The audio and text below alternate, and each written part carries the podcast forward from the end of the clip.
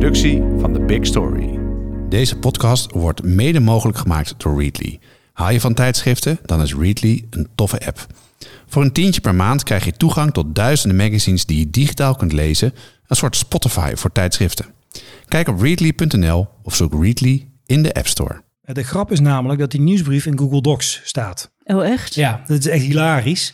Eh, de- Zo kan het dus ook. Ja.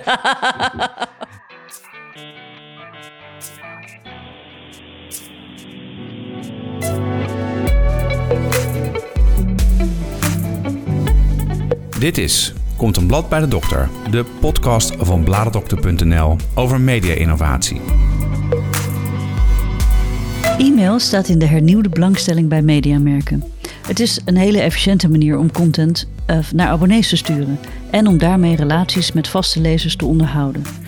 En de meeste mediamerken hebben dus ook één of meerdere nieuwsbrieven. Maar ook steeds meer journalisten starten hun eigen nieuwsbrieven, soms zelfs betaald, en worden daarmee uitgever van hun eigen verhaal. Dat is een trend die zich nu aan het ontwikkelen is in Amerika. Dat roept een aantal vragen op. Zal deze trend overwaaien naar Nederland? En nu allerlei nieuwsbriefplatforms als paddenstoelen uit de grond schieten, zal de e-mail nog meer druk gaan leggen op de dalende oplages van print? Waar liggen de kansen? Nou, met deze vragen ga ik stellen aan Frank Meeuwsen, content lead bij Kaliber Studios in Utrecht. Hallo Frank, goedenavond. Goedenavond. Jij bent eh, de afgelopen periode heel druk bezig geweest met e-mail nieuwsbrieven. Ja. Heb je je echt helemaal in verdiept? Kun je Ja. vertellen wat daar de aanleiding voor was? Dat begon ehm, begin 2020. Ehm, podcast over media is een bekende podcast in, in Nederland Van Alexander van Alexander en, en, eh, Jean. Fout. En eh, zij hebben een community met, eh, met hun, hun luisteraars op Telegram, waar ik ook lid van ben. En daar werd heel vaak ook gevraagd, nou, wat zijn leuke nieuwsbrieven om te volgen? In, in Nederland en in het buitenland. En ehm, op een gegeven moment stelde iemand eigenlijk een beetje de meta-vraag van waarom is er nog niet een soort directory van, van nieuwsbrieven? Een soort startpagina. Een soort startpagina van nieuwsbrieven. En toen dacht ik, oh, maar dat is toch leuk om te maken? En ik dacht, van, nou, dat ga ik een beetje in elkaar knutselen. En ik zet daar 10, 20 nieuwsbriefjes in. En dan beginnen we daarmee. En eh, we zitten nu medio 2021. Eh, en daar staan nu zo'n 800 nieuwsbrieven in uit het binnen- en buitenland. Eh, thanks for subscribing. .app heet de site. Het was eerst een mobiele app, maar ik heb er later een site van gemaakt. En eh, ja, die wordt eh, dagelijks bezocht door eh, mensen die op zoek zijn naar interessante nieuwe nieuwsbrieven om hun inbox weer een beetje liefde te geven. En terecht. Want en terecht, ja. de de nieuwsbrief is natuurlijk een razendspannend medium. Hè? En dat is dat bij heel veel uitgevers hoor je natuurlijk heel vaak gesprekken. Ja, moeten we dan niet iets met podcast of moeten we iets met Instagram of ja, we moeten toch ook een videostrategie. En heel veel uitgevers lijden aan eh, shiny new things eh, Mhm. syndroom. Ja. Maar good old e-mail, ja, dat is toch eh, bijna een, reliquie. ja, maar het is ook echt aan een soort opmars bezig, heb ik Zeker, het idee. zeker. Ja, dat is niet, niet, niet helemaal zonder reden ook. Het, het grote voordeel van e-mail is dat je de, de kanalen die je net noemt, Instagram, eh, video, noem op, je hebt overal wel een account voor nodig. Je Ja. moet weer een Instagram-account maken of een TikTok-account of een, al die dingen. Niet alleen om het te maken, maar ook om het te kunnen volgen. Hm. Dus ik als lezer of als, als consument, als nieuwsconsument, moet ook weer accounts aanmaken. Ja, Voor een nieuwsbrief hoeft dat niet. Ik heb alleen maar een e-mailadres nodig. En iedereen met een internetaansluiting heeft een e-mailadres. Het zij van je provider, het zij eigen domein, werk, Gmail, Hotmail, noem ze allemaal op. Dus dat is heel laagdrempelig. Nou en dat niet alleen, maar je hoeft, je kan dan wel overal accounts maken en het is overal gratis, maar probeer het maar eens in je dagelijkse media dieet te krijgen. Dat is het volgende inderdaad. Ehm, al, alle eh, grote sociale netwerken maken natuurlijk terecht gebruik van algoritmes om de meest interessante content naar boven te laten drijven. Het zij organisch, het zij betaald. Ehm, met e-mail heb je dat probleem nog niet. Minder in ieder geval. Bij Gmail speelt dat natuurlijk wel, hè, met de promotietabs en dat soort zaken. Maar daar komt alles gewoon binnen op de manier zoals jij dat als lezer wil. En dat maakt het alweer een stuk vriendelijker. En dat betekent dat het ook echt een heel goed medium is voor uitgevers. Hè? Want Klopt. je hebt een, ehm, net zoals met print, heb je de mogelijkheid om een directe relatie aan te gaan met je, eh, met je abonnees. Met je abonnees. En, en Plus daarbij, uh, de, de lijst met abonnees is ook van jou. Ja. Is niet van Facebook. Um, ja, wie hebben we nog meer? Google. Google. of Amazon. Uh, nee, maar het is van jou. En jij, jij hebt daar de controle over. En jij hebt daar uh, zeggenschap over wat je ermee wilt doen. En, en dat, dat maakt het, vind ik, een, een heel interessant, oud, nieuw kanaal om weer uh, om extra aandacht te geven. Nou, en ik merk ook wel dat de hoeveelheid um, uh, nieuwsbrief abonnees bij mensen groeit. Daar heb ik overigens geen cijfers voor. Dus dit is een uh, op, op basis van uh, of gevoel, mijn eigen ervaring bijvoorbeeld. Mhm.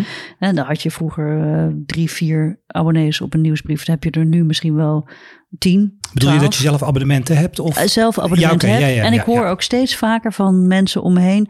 Oh, ik heb een toffe nieuwe nieuwsbrief. Die moet je ook lezen. Ja, Dat dus- klopt, ja. Ik, ik, ik merk dat dus ook. En ik, ik merk dus door, uh, doordat ik daar ook mee bezig ben en ook, ook wel in die community ook bezig ben van, van ook nieuwsbriefmakers, daar, daar merk je dat overal. Dat je dus enerzijds groeiend aantal lezers ziet, maar ook een groeiend aantal makers. Mensen die beginnen met het maken van een nieuwsbrief als probeerseltje of om, hun, om zichzelf als merk weg te zetten. Ja. Als journalist of als ZZP'er of wat dan ook.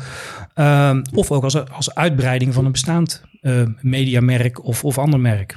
Nou, een heel goed voorbeeld daarvan vind ik de nieuwsbrief van Jonas uh, Kooijman. Uh, we gaan zo even met hem bellen. Ja. Hij is uitgever van de nieuwsbrief De Havermelk Elite. En dat is een uh, platform over grootstedelijke, nou en toch wel een beetje licht snobistische millennial cultuur. Het is echt hilarisch. Hij heeft ook een Instagram account. En een tijd geleden gestart en inmiddels al uh, ruim 4000 uh, abonnees, waarvan er een deel ook betaald is. Dus we gaan even bellen met hem.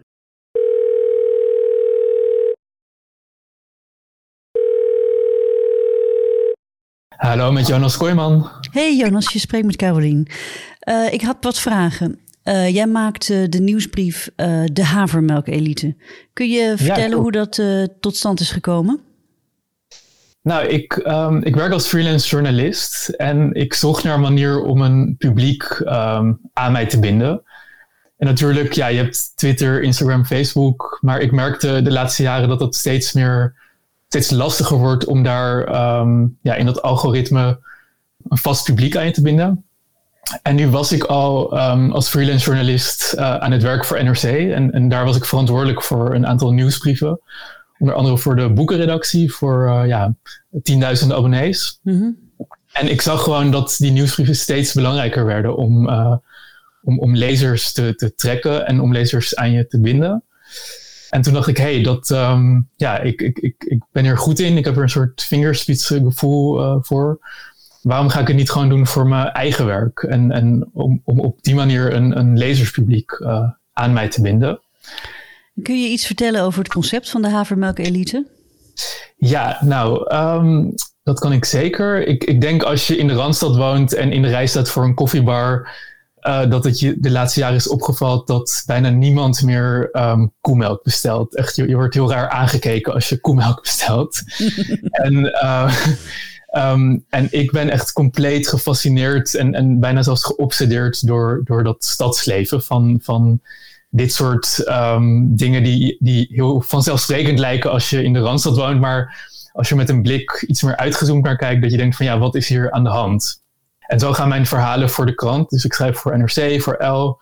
Die gaan heel vaak over ontwikkeling in, in dit stadsleven. Mm -hmm. Over trends, over millennials, over juppen, over gentrification. Toen heb ik op een gegeven moment dat, dat woord gemunt van havermelk-elite, omdat het heel erg staat voor die soort van nieuwe nieuwe klasse in de stad. Die, die havermelk drinkt, naar yoga gaat, podcast beluistert. Een soort ja, een, een, een nieuwe klasse juppen in de stad. En daar schrijf ik over en ik verzamel artikelen die over dit thema gaan. Um, en die kun je dan elke twee weken lezen in, in mijn nieuwsbrief. Ma maak ik een, een, lijst met de beste stukken hierover. En je ontdekt nieuwe trends, uh, nieuwe observaties over het stadsleven. Dus um, ja, dat zit er eigenlijk achter. En het gaat heel goed, hè? Want je hebt uh, 4300 abonnees en er zijn er uh, een deel van al betaald. Hè? Dus je verdient Ja. er ook echt wel wat aan. Klopt. Uh, wat heeft het je nog meer gebracht? Nou, in eerste instantie um, was het voor mijn eigen naamsbekendheid. Omdat ja, uh, een, een, manier om, om een soort van één niche te claimen in, in, het, uh, ja, in het medialandschap. Dus die niche van stadsleven. maar op een gegeven moment, toen, toen, toen het steeds groter werd, toen heb ik er. ehm, het, begon met, met aanbiedingen voor extra klussen bijvoorbeeld. Uh, maar het is zelfs zo, zo hard gegaan dat ik nu ook voor boeken aanbiedingen heb gekregen.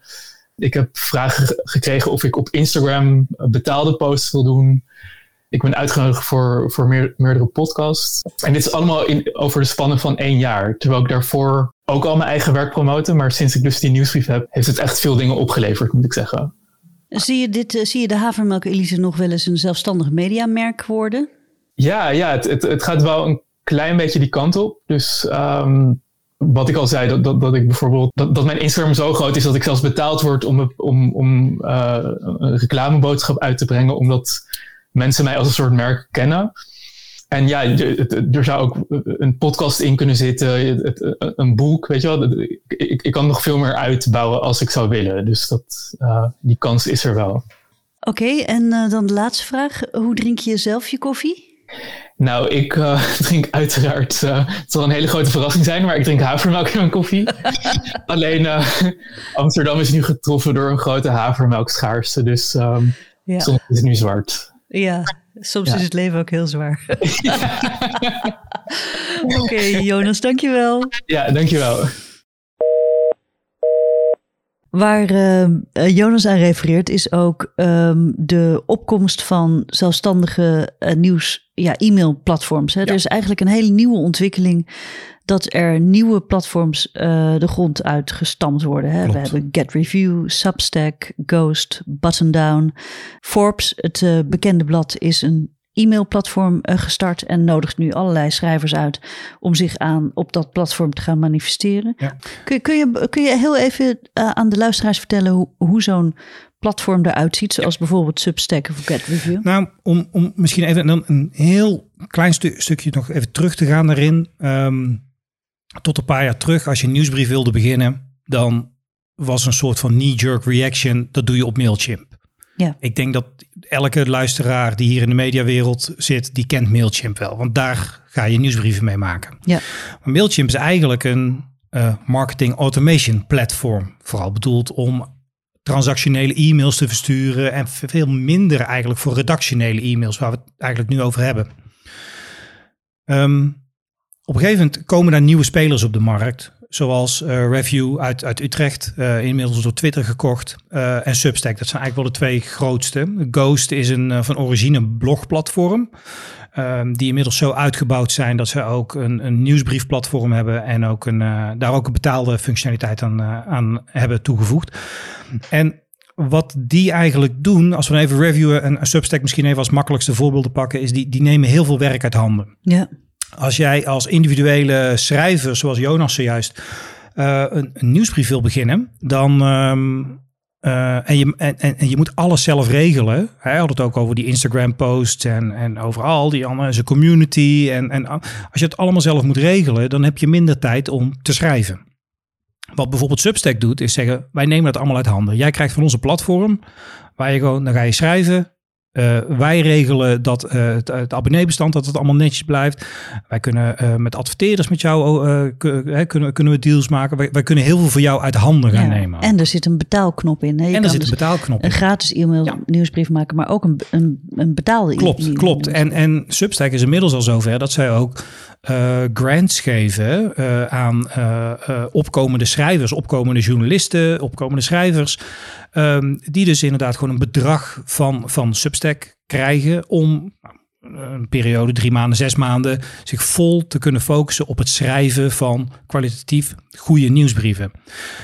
Dat is de ene kant die je ziet. En daarnaast dus, en daar gaan we denk ik zo ook nog wel door, is natuurlijk de journalisten die ook weggaan bij, nou, uh, Forbes of bij andere grote kranten in binnen- en buitenland, uh, om eigenlijk als zelfstandig mediamerk um, onder andere een nieuwsbrief te starten. Naast podcasts, Instagram-accounts, et cetera. Uh, kun je een aantal voorbeelden noemen van bekende journalisten die zijn, uh, oh ja, zeg maar voor zichzelf zijn begonnen? Ja, uh, ik, nou ja, goed, in laten we even zeggen dan in mijn uh, uh, bubbel, waar, waar, waar, ik in zit als het gaat over online marketing en content, et cetera. Dat is denk ik Casey Newton wel het, het bekendste voorbeeld. Uh, die zat bij The Verge. die zat bij The Verge, heeft onder andere ja, echt fantastische journalistiek geschreven. heeft ook bijvoorbeeld de uh, verhaal over Facebook en de, de, de moderators en zo, dat, hoe, hoe slecht die behandeld werden, dat, dat is zijn verhaal geweest. Nou, hij heeft op een gegeven moment echt de stap gezet. Hij had al heel lang een nieuwsbrief bij, bij Review, maar hij heeft op een gegeven moment echt die stap gezet om een eigen platform te starten. De Platformer heet het ook. Uh, hij is weg bij The Verge. Uh, op zich, uh, ze zijn als goede vrienden uit elkaar gegaan. maar hij is, hij is nu echt een, ja, een, een zelfstandig mediamerk aan het worden. Andrew Sullivan is bekende, um, nogal conservatieve journalist. Ik ben even kwijt waar die vandaan komt. Ik dacht dat zoeken we even zoeken op. we even op. New York Times, dat weet ik even niet meer. Maar die is inmiddels ook voor zichzelf begonnen. Uh, ben Thompson is eigenlijk wel een beetje het, uh, de godvader uh, wat dat betreft. Die was al heel vroeg, is ook journalist, is heel vroeg voor zichzelf begonnen met Stratechery. En heeft eigenlijk ook een heel platform gebouwd. ja, waar hij ook gewoon zijn eigen media-imperium langzaam zeker gaan bouwen is. Dus dat zijn er zo een aantal die, die denk ik ja, in, het, in het oog springen. Maar je, zeker wat betreft Substack, daar, daar elke maand zijn er wel weer journalisten die uh, echt letterlijk weggekocht worden door Substack om op Substack um, te gaan schrijven en eigenlijk dat platform uit te bouwen. Ja, en we hebben daar eerder uh, wat cijfers naar boven gehaald. En uh, Substack heeft al meer dan 25.000 betaalde abonnees. die, die dus betalen voor de content van uh, nieuwsbriefschrijvers. En de tien best betaalde schrijvers uh, genereren zamelijk een jaarinkomen van 7 miljoen dollar, uh, uh, ja. hebben wij berekend. Dat is een grote nou ja, markt. Ja, er, is, er, is, er zit wel één, vind ik, een soort, er zit één manco in dat Substack-model. Mm -hmm. Het punt is namelijk dat jij als auteur draag je 10% van je betaalde inkomsten draag je af. Ja, bij, bij Forbes is dat 50%. Ja, maar goed, dan ben je wel in dienst en dan is heel veel geregeld ja, ook. Zo. Um, op het moment dat jij, nou, pak een beetje even duizend betaalde abonnees hebt, dan denk je van oké, dat is prima. Maar zo'n Casey Newton, die heel veel betaalde abonnees heeft. Ja, miljoenen. Hè? Ja, als je dan 10% moet afdragen, ja, dat, dat, dat scheelt wel een slok op een borrel. En dan kun je je dus gaan afvragen. En dat zie je dus nu ook alweer gebeuren. Dat dus grote schrijvers, die, die ze groot zijn geworden bij Substack, inmiddels zeggen van ja, maar dat, dat is het mij ook niet waard. Ik ga die 10% blijf ik niet afdragen. Ik ga dat geld wat ik af moet dragen, dat ga ik investeren in het bouwen van een eigen platform. Ja. Onder andere weer met software die Ben Thompson, die ik net al noemde van Stratechery, die, die stelt dat beschikbaar, want die bouwt zijn eigen software daarmee. Ja, en er komen natuurlijk steeds meer van dat soort platforms bij. Hè? Want ook Facebook en LinkedIn zijn Ja. bezig met uh, initiatieven. Ja. Facebook heeft onlangs een, uh, aangekondigd dat het ook een nieuwsbriefplatform gaat bieden. Klopt. Zodat je uh, via het platform nieuwsbrief kan uitsturen. En waar je dat managt via je netwerk of je Ja. contactenlijst, je vriendenlijst. Ja. Ja. Interessant. Um, het kan ook anders, hè? Uh, we hebben ook een voorbeeld in Nederland van een bekende nieuwsbriefschrijver die er dus juist opgenomen is door een krant. Ja. Dus wij gaan weer even bellen en we bellen nu met Wouter van Noord van het NRC.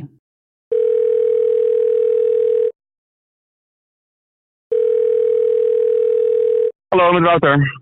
Hey Wouter, met Carolien. Hey, ik um, heb een vraag. Jij maakt voor NRC een nieuwsbrief getiteld Future Affairs. Kun je mij iets vert, uh, vertellen over hoe die tot stand is gekomen?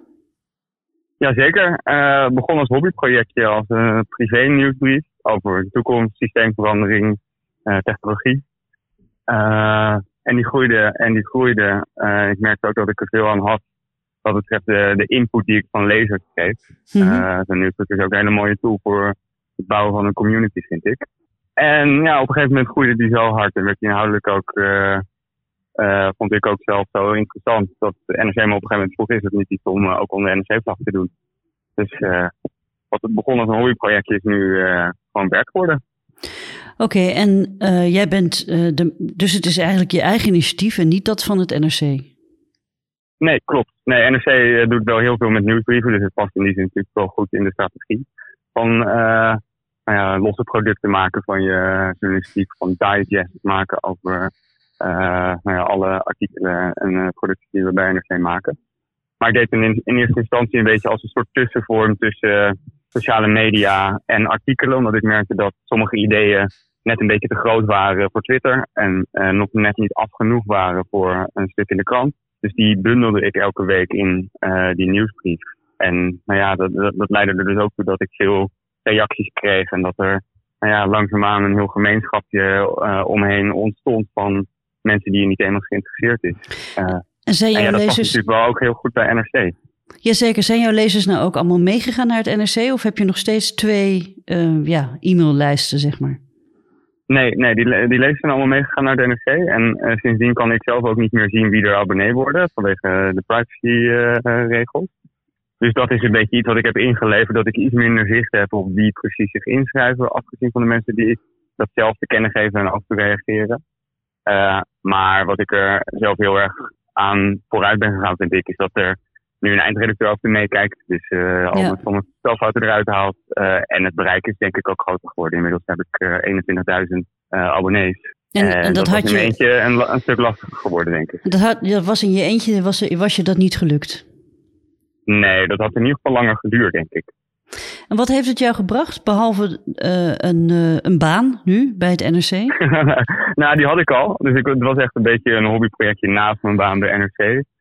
Uh, maar ik merk zeker nu uh, de groei er echt lekker in zit. Dus dat het ook steeds meer een op zichzelf staand uh, project wordt. Wat ook steeds verder uitbreidt. Het is nu bijvoorbeeld ook een podcast serie voor NRC geworden, Future Affairs. toen ik nog mocht deden we ook wel evenementen. En dat zijn we ook wel weer van plan om te gaan doen. er zijn allerlei andere ideeën om ook wat meer te doen en te bieden aan die community van, van mensen die in die thema's van systeemverandering, toekomst, uh, technologie geïnteresseerd is. Dus inmiddels begint het ook wel een beetje uh, uit de klauwen uh, te groeien. En nou ja, ook wel een soort takje van NRC op zichzelf te worden. Dus dat, dat is eigenlijk wel heel leuk. Dat zoiets klein door er gewoon heel gedisciplineerd elke week iets uit te sturen, toch uitgroeit naar een steeds serieuze platform. Oké, okay, dankjewel. Graag gedaan. Ja, het NRC vind ik een heel goed voorbeeld van een uitgever die, uh, vind ik, een hele goede e-mailstrategie heeft. Uh, je ziet ook dat uh, op de site kun je je wel inschrijven op tien verschillende mediamerken. Ja. Wat ik heel bijzonder vind, is als je bijvoorbeeld bij de New York Times of de Washington Post gaat, daar zijn er soms wel tot 200 verschillende nieuwsbrieven. Nieuwsbrieven lenen zich dus heel erg goed voor segmentatie. Zeker. Wat zijn nou belangrijke elementen voor uitgevers die na willen denken over e-mail, om in hun e-mailstrategie te, op te nemen? Nou ja, dan, dan ga je het bijna inderdaad ook weer over kanaalstrategie en dat soort dingen hebben. Van, en, en dat het een onderdeel moet zijn van je grotere strategie. Um, wat, wat Wouter net ook wel een beetje vertelde, zijn nieuwsbrief was ook, nou ja, uh, het hing een beetje tussen de, de losse tweets en de grote artikelen in. Uh, daarmee kun je een community opbouwen als dat een onderdeel is van jouw grotere strategie als mediamerk om communities op te bouwen rondom bepaalde thema's. Nou, dat is wel de essentie van uitgeven, toch? Relaties mij bouwen. Relaties opbouwen, ja. inderdaad. Nou ja, dan, dan, dan kan e-mail daar een, een prima extra kanaal in zijn om, uh, om in te zetten. Um, ik denk ook dat je, dat je heel goed gewoon heel goed moet kijken naar wat, wat doet je publiek nu? Waar zit het nu? Waar kijkt het al naar? Wat leest het al? Uh, waar, waar, waar zitten de interesses? En kun je daar iets mee wat waarde toevoegt in hun inbox? Op het moment dat jij uh, als uitgever dezelfde vijf artikelen in een inbox gooit, die ze ook op je site kunnen lezen of die ze ook al op social voorbij zien komen, of in een app of waar dan ook ja, dan voeg je weinig toe. Ja, en, en vijf, vijf, uh, uh, de vijf meest recente artikelen, maar dan voor iedereen. Weet je, en dat vind ik ook één, nieuw, één nieuwsbrief voor iedereen. Eén nieuwsbrief voor iedereen gaat hem niet worden. Nee. Hè, tenzij je uh, bijvoorbeeld de NOS heeft dan hun zaterdag nieuwsbrief hè, met de, de, de week waarin ze de week even doornemen. Dat kan ik me nog wel voorstellen, want daar, leent het merk NOS zich ook wel voor. Maar ik denk voor menig mediamerk kun je prima segmenteren en kun je prima ook allerlei kruisbestuivingen maken. En nog beter denk ik ook hele tijdelijke nieuwsbrieven maken. Want vergis je ook niet, uh, de voorbeelden die we net ook hoorden van, van Jonas en van Wouter, zijn, die bestaan ook al een tijdje. Maar ik heb nog geen uh, Nederlandse nieuwsbrief over het EK echt groot geadverteerd gezien. Ja Of uh, er is bijvoorbeeld wel een uh, Substack nieuwsbrief uh, die alleen over de Giro d'Italia gaat. Over die wielrenwedstrijd. Ja. En die bestaat gewoon maar een tijdje. En dan stoppen ze er weer mee. Ja. En je kunt dus ook heel erg thema- en tijdsgerelateerde nieuwsbrieven doen. NOS heeft dat bijvoorbeeld wel gedaan rondom, dat was het, 75 jaar bevrijding. Ja. Waarmee ze dus een, een, jaar lang, dus dat is dan nog best wel een periode, maar een jaar lang dus wel een nieuwsbrief hadden.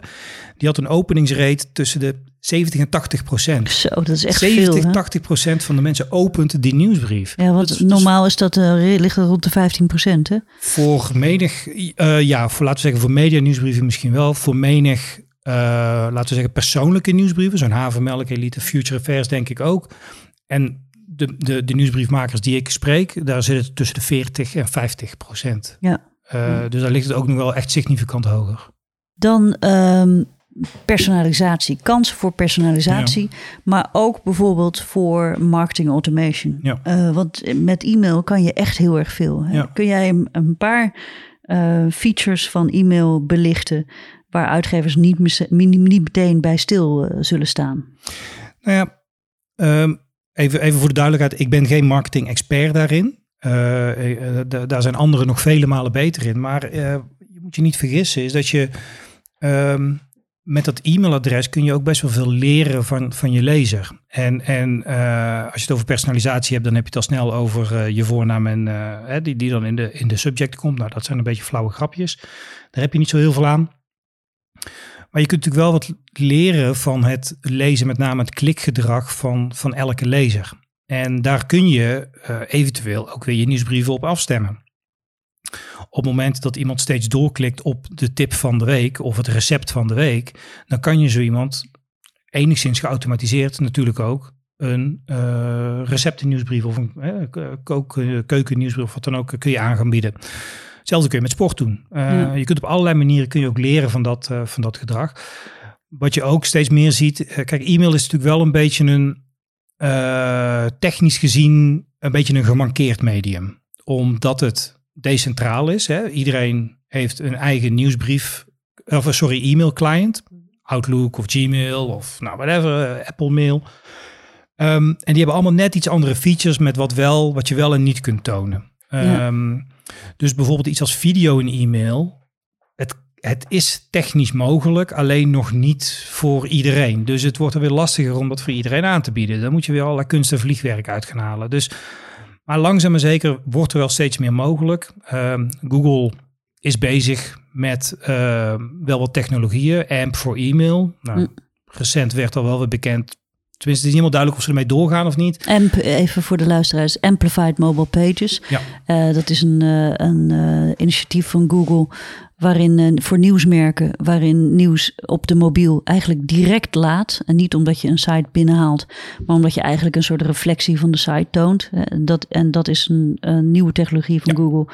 Amplified Mobile Pages. eh, interessante ontwikkeling. Ja, Dus ook voor e-mail. Ja. Sneller, content sneller laden. komt sneller binnen, maar ook interactiever. Dus je kunt dus bijvoorbeeld puzzelachtige elementen in, in e-mail gaan toevoegen en, en dat soort zaken. En er zijn allerlei ontwikkelingen wel in gaande. Eh, alleen dat, dat gaat wat gefragmenteerder dan wat we op het web gewend zijn. Ja. Maar het, het- er, er gebeurt een hoop in dat eh stokoude medium wat e-mail heet. Tja, stokoud. hè? Mooi hè? Ja, echt, vind ik mooi. Iets uit de vorige eeuw. Eh, ja, vind ik wel mooi. En, en natuurlijk ook, ja, toch een beetje, eh, eh, ook als je het over marketing automation hebt, dingen als AB-testen kan natuurlijk ook prima met e-mail. En of het nou over subject, subject lines gaat, je knoppen, je, je, te- je tekstjes, je kunt alles kun je testen. En daar zijn ze ook, wederom in de US zijn ze daar al wel echt stappen verder mee. Grote titels als Morning Brew, The Hustle, die schrijven vier, vijf, zes eh, subject lines eh, voordat het definitief de grote pubs uitgaat. En die meten alles door en eh, kijken gewoon wat werkt. Dan kijk je naar de hoogste CTR open rate. Ja, ja. ja. Want even, nu we hier toch een, een sprongetje kunnen maken. Wanneer heb je nou een goede nieuwsbrief? Wat maakt een goede nieuwsbrief? Heb jij tips voor nieuwsbriefmakers? Ik denk dat je een, een goede nieuwsbrief hebt die, ehm, die persoonlijkheid heeft. En dat Ja. klinkt heel vaag, maar dat geldt volgens mij voor elk mediamerk. En of je nou een, een uh, journalist bent die zijn eigen nieuwsbrief schrijft, zoals Wouter, of je bent een uh, individu die een eigen merk eigenlijk ook begint. Um, ik, ik, een goede nieuwsbrief heeft persoonlijkheid. En, en daar staat of valt alles mee. En die persoonlijkheid zit hem dus in alles. In, in, in de subject line, in de aanhef, in het introotje, in het verhaal wat je vertelt, in de, uh, ook gewoon het format wat je gebruikt. Uh, de horizontale programmering. Je weet wat je kunt verwachten als je Future Affairs van Wouter opent. Dan weet je dat je onderaan altijd hè, zijn netwerk zet hij dan even in de spotlight. Ja. Het is gewoon een goed format heb je nodig. En um, uh, volhardendheid. Uh, dat maakt ook denk ik een goede nieuwsbrief. Dat is echt gewoon blijven doorgaan. Zoals met elk medium online dat gold en geldt. Twintig jaar geleden met blogs, tien jaar geleden met social media paar jaar geleden met video. En dat is nu ook voor nieuwsbrieven, is gewoon, weet je, you're in it for the long haul. Je, je moet het, je hebt niet na één uh, of twee edities meteen uh, een, een hockeystick curve. Dat, dat zijn echt de uitzonderingen. En je moet gewoon echt voor elke abonnee, uh, zul je moeten knokken.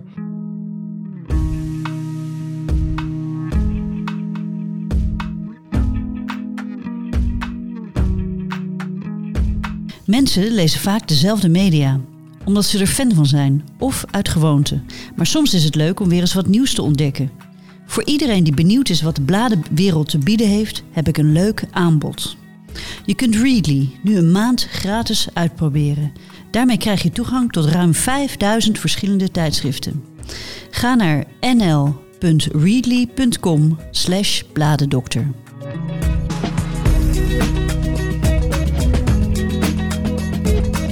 wil eerst even bellen met nog een uh, nieuwsbriefmaker. En dat is uh, Jerry Vermanen van Klikdinges. Jerry is uh, datajournalist. Hij werkt bij Pointer van KRO en CRV. Onderzoek, doet veel onderzoeksjournalistiek en datajournalistiek.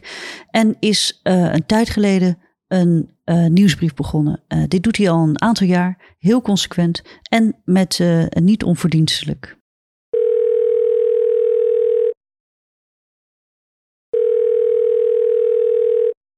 Hallo, met Jerry. Hey Jerry, met Carolien. Hey. Hey, ik uh, had een vraag. Jij maakte de nieuwsbrief uh, Klikdinges over datajournalistiek. Kun jij vertellen hoe je daarmee begonnen bent? Ja, um, nou, ik ben ongeveer vier jaar geleden met die nieuwsbrief begonnen. En dat, uh, dat begon eigenlijk als een soort experiment. Ik zocht iets wat ik naast mijn werk kon doen.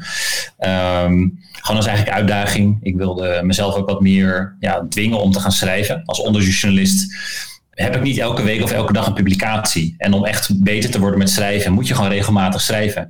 Dus ik denk, misschien is een nieuwsbrief wel iets om ook regelmatig dus artikelen te schrijven. Om ook een beetje mijn eigen tone of voice te kunnen vinden. En ik ben eigenlijk Klikdingers begonnen gewoon puur vanuit het idee, nou, als niemand zich erop abonneert, dan kan ik er ook binnen een paar maanden weer mee stoppen. Dan, uh, dan zal niemand daar uh, overvallen dat ik ineens stop.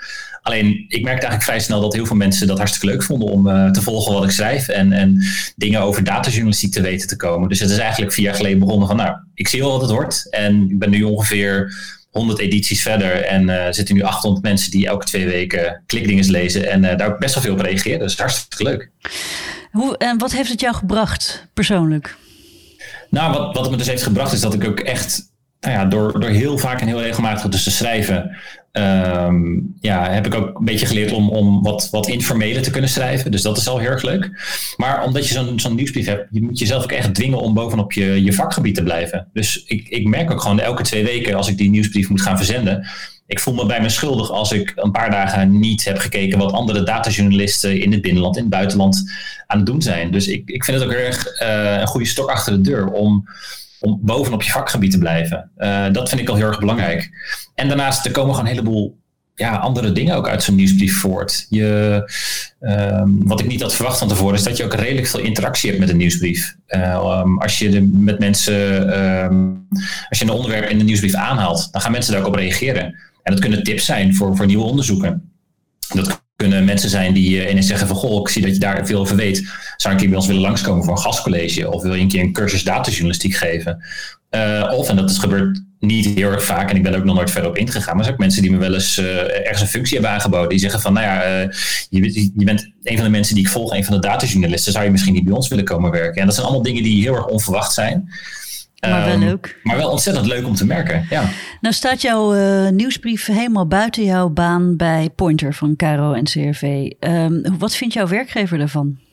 Ja, mijn werkgever, ik, je, je kan denken van, oh ja, goed, dat zou misschien kunnen concurreren met dingen die ik doe. Maar eigenlijk, eigenlijk vinden ze het gewoon hartstikke leuk dat ik dit doe. Ook zeker omdat je een, nieuwsbrief, je, kan zo'n nieuwsbrief niet schrijven alleen maar vanuit jezelf. Dus je moet ook naar andere mensen linken. Je moet ook niet alleen maar schrijven over leuke dingen die je zelf maakt, maar ook eh, goede datajournalistiek van de Volkskrant of van RTL Nieuws of van NRC of waar dan ook ehm, in die nieuwsbrief zetten. En eigenlijk merk je ook dat, bedoel, mijn werkgever bij Pointer, Karo en CV, die, die eigenlijk hun eigen nieuwsbrief werkt hetzelfde. Ook zij linken naar andere media die hele toffe dingen doen. En ik denk ook niet dat je ermee wegkomt als je een nieuwsbrief zou maken waar je alleen maar je eigen dingen promoot. Dan, dan kun je gewoon net zo goed naar de voorpagina van die website gaan en dat is het dan. Dus ja, het wordt eigenlijk heel erg juist gestimuleerd om, om juist ook die nieuwsbrief te blijven schrijven. Omdat ze ook merken dat ik dus ook soms tips krijg vanuit die nieuwsbrief waar ik weer verder mee kan gaan. Ja, daar hebben zij ook voordeel bij. Dus ja, dat is eigenlijk nooit, uh, nooit chagrijn of, uh, of, of dingen van, goh, zou je dit wel of niet uh, kunnen doen. Hartstikke goed. Hey, bedankt voor je antwoorden, Jerry. En succes. Graag. Dankjewel. Ja, leuk verhaal van uh, Jerry Vermanen. En uh, wij zullen zijn, uh, de link naar zijn nieuwsbrief Klikdinges op de site vermelden. Net zoals alle andere links van de nieuwsbriefmakers die we hebben gesproken. En interessante links van nieuwsbrieven die we graag lezen. Want welke nieuwsbrief vind jij nou interessant? Nou ja, we hadden het er net al even over van dat het aantal abonnees of het aantal abonnementen die mensen hebben in hun op nieuwsbrieven dat dat toeneemt. Toen zat ik al een beetje met het schaamrood uh, op de kaken, want ja, door mijn, door mijn eigen directory is mijn nieuws of mijn inbox wel een beetje ontploft. Dus ik ben wel op een paar honderd nieuwsbrieven geabonneerd. Ik lees, ze, ik lees ze niet allemaal, maar aan de andere kant, mijn, mijn inbox is ook nu echt wel mijn tweede zoekmachine geworden. Dus ik kan heel veel daarin terugvinden waarvan ik denk van nou, dat zal vast wel een nieuwsbrief een keer over hebben geschreven. Maar goed, um, uh, die, die, een aantal die ik altijd leuk vind om te lezen uh, uit Nederland, om daarmee te beginnen. Uh, de nieuwsbrief van Elger, Elger van der Wel. elke zondagavond zijn media nieuwsbrief vind ik echt de moeite waard. ik vind de dagelijkse nieuwsbrief handpicked van Fast Moving Targets. Vind ik altijd erg leuk om eventjes de, de ochtend mee te beginnen. Good Monday van Patrick, Patrick Patrick Loonstra, design, een nieuwsbrief over design, over goed design. Um, is leuk om te lezen. Um, nou, ik, kan zo nog wel, als ik denk als ik mijn inbox erbij pak, dan kan ik er nog tien noemen. Uh, maar um, nieuwsbrief uit het buitenland, met name natuurlijk Engelstalig. Um, als je dan ook over dit, dit vakgebied gaat hebben, is uh, notthenewsletter.com. Dat is wel de meest opvallende. De grap is namelijk dat die nieuwsbrief in Google Docs staat. Oh, echt? Ja, dat is echt hilarisch. Uh, Zo kan het dus ook. Ja. dus je krijgt elke maand een mailtje met, uh, nou, de nieuwe nieuwsbrief is er. Grote blauwe knop. Klik hier en dan ga je naar een Google Doc die open staat. En daar staat alles in. En, en het mooiste is dus, en, dan heb je dus over formats en over je publiek vasthouden en verwachtingen scheppen. Als mensen Google Docs gebruiken, uh, dan, dan ben je denk ik wel bekend met de, de anonieme uh, iconen die rechtsbovenin staan met de, de verschillende dieren die daarin staan.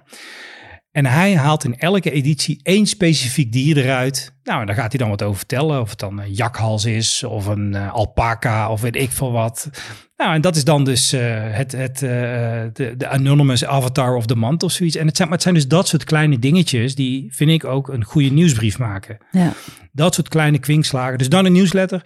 Um, ook weer als het over design en over productiviteit en nee, vooral creativiteit gaat, vind ik persoonlijk Austin Kleon, uh, zijn 10 Things Worth Sharing uh, nieuwsbrief, uh, vind ik echt fantastisch. Hij schrijft ook fantastische boeken. Um, Nick Cave, de Red Hand Files, Nick Cave, fantastische artiest, die hele, hele intieme vragen van zijn uh, fans beantwoord. Patty Smith is recentelijk een uh, Substack begonnen, ook niet geheel onsuccesvol. Edward Snowden is een nieuwsbrief begonnen. Kijk. Um, zal ik nog even doorgaan? Ja, nou, ik lees zelf. Wat ik zelf uh, lees is bijvoorbeeld de nieuwsbrief van Sophie van Oostvoorn. Zij werkt oh ja. ook bij het uh, NRC, ja. de nieuwe lezer. Ja, het gaat de nieuwe lezer, ja. ja. gaat helemaal over uh, ja, hoe je je lezer centraal zet als mediamerk. Erg interessant. Ik lees ook de nieuwsbrief van Elger, natuurlijk. Ehm, de nieuwsbrief van de NVJ, hè, van Dolf Hogmans, lees ik. Nieuwsbrief van Nick Kiewicz lees ik, met allemaal hacks voor journalisten. Die vind ik ook heel erg leuk. En um, uh, wat ik ook een hele goede vind, is de nieuwsbrief van Juan Senior. Dat is een internationale mediastrateeg. Uh, dus die lees ik ook elke week. Maar, en mag, mag ik jou, is deze podcast ook om vragen te stellen? De gast ook vragen ja, te stellen? nee, tuurlijk mag je mijn vragen Mogen stellen. alles. Wat spreekt jou aan? Want je zegt net nieuwsbrieven van organisaties. Maar wat spreekt jou dan aan? Het feit dat het de organisatie is of de persoon die het schrijft? Nee, de thematiek. Thematiek. Het gaat okay. natuurlijk allemaal over media. En, ja. ja. en dat is wel wat ik echt nodig heb om ook bij te blijven. Mhm. Mm -hmm. Dat ik me laat inspireren door anderen. En uh, bijvoorbeeld die Juan Senior die internationaal echt overal op congressen spreekt. En heel veel internationale uitgevers adviseert. Ja, die heeft een, een, een supergoeie nieuwsbrief. Um, de Innovation Minute heet die. En uh, daar ben je echt een minuut aan kwijt. Nou, daar hou ik van. Ik ben niet zo'n ja. lange lappen tekstlezer. En uh, daar pik je gewoon een aantal interessante links uh, uit. En uh, ja, daar haal ik heel veel leesvoer vandaan. Ja, zeker. Ja, zo zijn er. Ja, ik zit ondertussen ook toch even stiekem in mijn, in mijn inbox te kijken. En ja, ik heb, ik heb te veel titels om te noemen. Die vliegen echt alle kanten op. Want ik, ik lees bijvoorbeeld ook een nieuwsbrief als Tamppunks. Wat over de videogamecultuur gaat. Ja. Vind ik fantastisch. Uh, ik ben ook net geabonneerd op ook weer een tijdelijke nieuwsbrief. 50 Years of Text Games. Is iemand die dus gewoon 50 weken lang de geschiedenis van text-based videogames uit de doeken doet. Ja, en daarna stopt hij er weer mee. En in dat geval geldt ook echt, de uh, riches is in de niches. Hè? Ja. Hoe nicher, hoe beter. Ja, dat denk ik wel. Ja, want ik bedoel, op het internet is elke niche is zo verschrikkelijk groot. En dat publiek dat, dat, gaat zich, dat, dat gaat elkaar ook wel vinden, denk ik. Want uh, ik denk als wij gaan praten over hoe vinden wij die nieuwsbrieven, dat is een beetje via via. Je wordt doorverwezen door elkaar, je wordt doorverwezen op je netwerk, op sociale, op, op, op social media. En op die manier vindt zo'n zo'n nieuwsbrief ook wel zijn weg en vindt het ook zijn publiek. Um, en het is met name voor even Engelstalige, uh, of in ieder geval niet Nederlandse nieuwsbrieven dan, is dat, is dat natuurlijk vele malen groter, dat, uh, dat publiek. Ja. Dus ja, ik, ik, ik, denk dat echt voor elke niche is, is wel een, een succesvol en, en duurzaam uh, model te vinden waar nieuwsbrieven ook een plek hebben. Ja. Maar goed, nieuwsbrief maken is één. Lezers krijgen, dat is natuurlijk het volgende punt. Zeker. Want uh, het gaat niet vanzelf. Nee, was het maar zo makkelijk. Ja. Um, en hoe, hoe zet je nou een succesvolle nieuwsbrief in de markt? Um, stel voor, jij begint er morgen een. Wat zou jij dan doen? Nou ja, eigenlijk al voordat ik er één zou beginnen, zou ik al kijken of er überhaupt een publiek voor is. En wat ik net al zei, voor elke niche is denk ik wel een publiek te vinden. Um, ik, ik zou ook niet zomaar blunt een nieuwsbrief over een onderwerp beginnen. Ik zou er toch eerst even over nadenken. Kijken van oké, is wat kan ik nog iets in die markt betekenen? Kan ik iets toevoegen? Ja. En dan op die manier eigenlijk al wel een publiek gaan opbouwen. Um, en dat is denk ik toch uh, uh, ja, je bestaande kanalen al inzetten die je al hebt. Dus als we het even over bestaande mediamerken hebben, bestaande kanalen inzetten. Uh, zoals net ook al een aantal van de mensen die inbelden ook al noemden. Um, de, de, de kruisbestuiving zoeken met met die bestaande kanalen. Dus of dat nou social is, je website, andere nieuwsbrieven op dat merk. Um, uh, of, of ook gewoon offline. Uh, ik heb ook wel eens gedacht met een, om uh, een nieuwsbrief te starten en die ook elke week uit te printen. En als een soort mini-zijn ook gewoon in allerlei koffiehuizen te leggen. Nou, waar ze misschien havermelk verkopen, dat weet ik niet.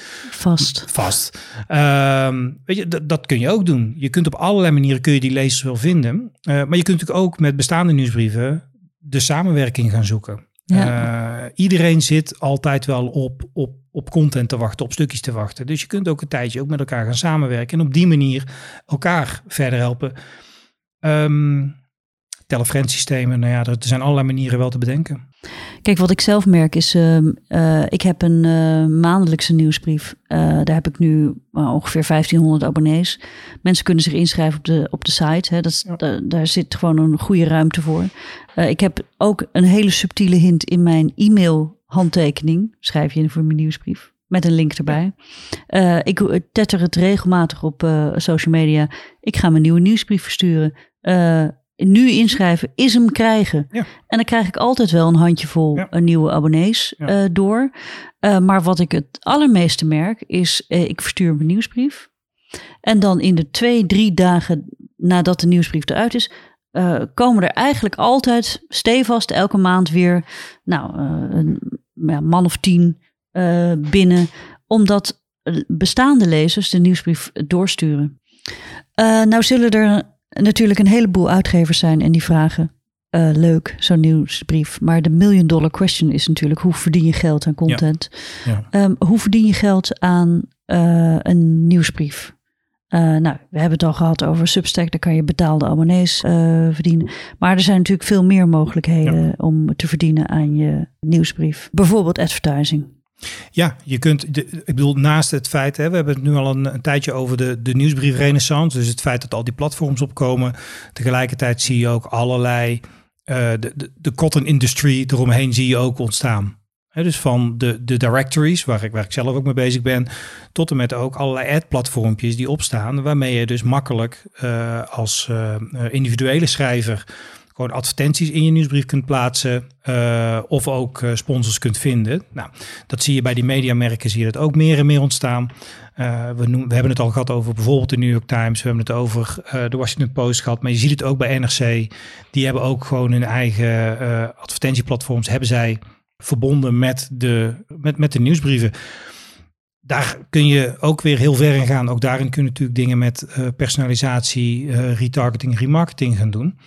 Uh, dus daar zitten mogelijkheden in. Je kunt naar sponsoring kijken, hè, de sponsors vinden voor je nieuwsbrief. Je kunt naar classifieds kijken. Uh, maar ook een native advertising, hè, dus nieuwsbrieven tuurlijk. maken in opdracht van anderen. Ja, ja. ja. Ja, dat zie je met name ook weer uh, de grotere titels als The Morning Brew en The Hustle. Uh, die, die ook inderdaad echt um, ja, die, die branded content, die native advertising in hun nieuwsbrief, dat, dat is gewoon allemaal één geheel geworden. Um, en je kunt daarnaast ook, uh, Wouter noemde het net al, je nieuwsbriefnaam upsellen, crosssellen naar allerlei andere producten en diensten. Misschien een beetje een heel groot voorbeeld daarin, uh, in dit geval is CNN.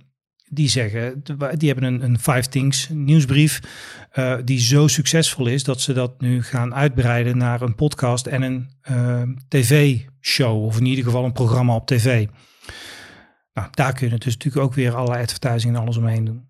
Um, je kunt uh, als nieuwsbriefmaker, dat, dat zie je gebeuren, je kunt eigen software, je kunt natuurlijk je eigen producten gewoon verkopen. Of jij nou een uh, muzikant bent, uh, kunstenaar of een softwaremaker. Um, je kunt je content licenseren. Ja, er zijn, er zijn eigenlijk ook, net als met alle andere digitale middelen, kun je daar heel ver in gaan. Als ik nog één voorbeeld mag noemen. afgelopen jaar zijn een aantal grote nieuwsbrieven in, uh, in de US, waaronder ook weer de platformen van Casey uh, Newton, die hebben de krachten gebundeld. En die hebben gezegd van oké, als je lid wordt van een van onze zes of zeven nieuwsbrieven, als je een jaarabonnement neemt, dan krijg je toegang tot een besloten Discord server. Discord is gewoon de community software, ja, community software. Ja, het is, wordt veel gebruikt, gebruikt in de game. Bij, uh, vooral ook onder, in, ja, ja, vooral ja. onder jongeren. Eigenlijk is het dus een combinatie van een forum en een chatplatform, ja, laat ik het zo maar even zeggen, waar je ook content in kan hangen. Klopt. En waar je dingen kan delen en met elkaar in contact kan treden. Heel veel jongeren doen dat tijdens het gamen. Maar Discord is een, aan een hele sterke opkomst bezig en wordt ook heel erg vaak gekoppeld aan mediamerken, ja. maar ook aan podcast ja. en nieuwsbrieven. Om uh, daar dus die community daadwerkelijk Juist. met elkaar in verband te, te Dus brengen. wat zij dus ook doen inderdaad, is krijg je eigenlijk betaald toegang tot de rest van de community. Tot ons als uh, auteurs. Je kunt ons vragen stellen, je kunt ons onderwerpen, tips geven. En we hebben exclusieve uh, one-on-ones met, nou, gewoon interviews met, met allerlei relevante mensen in hun vakgebied. Of dat nou even technologie of, of, of uh, de entertainmentindustrie of wat dan ook is. En daar kun je dan uh, in meeluisteren zoals we dat ook op Clubhouse of Spaces deden. Ja. Of doen.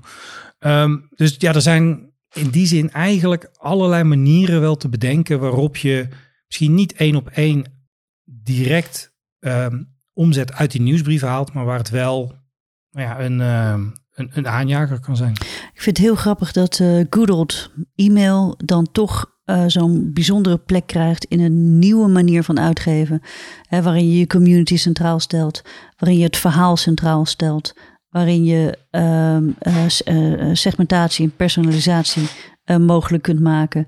Eh, ja, dat is wel een eh, mooie van Ja. deze tijd. Ik, ik, denk, ik denk dat juist, omdat we- daar begonnen we ook een beetje mee, nieuwsbrief, eh, nieuwsbrieven bestaan al zo'n zo'n 25, 30 jaar. Alleen de rest was er nog niet. Ja, De Discord service, social media, video, online video. Clubhouse, dat, ja. Clubhouse, het was er allemaal nog niet. En dat is er nu allemaal. Dus nu kan ook dat oude medium, kunnen we prima gebruiken om ook die rest weer allemaal weer aan elkaar te verbinden. hartstikke mooi. Met deze holistische woorden wil ik graag dit gesprek eh, beëindigen. Frank, heel erg bedankt eh, voor jouw input. Heel graag gedaan. Dit was Komt een blad bij de dokter, de podcast van bladerdokter.nl. Elke maand hebben we nieuwe gesprekken met bladermakers en hoofdredacteuren over de ontwikkelingen in het vak. Op bladerdokter.nl kun je alle gesprekken terugvinden, of beter, abonneer je via Apple Podcast of Spotify. Bladerdokter publiceert elke maand een nieuwsbrief met interessante artikelen over magazines, vol nieuws, achtergronden en analyses. Je kunt je inschrijven via bladerdokter.nl.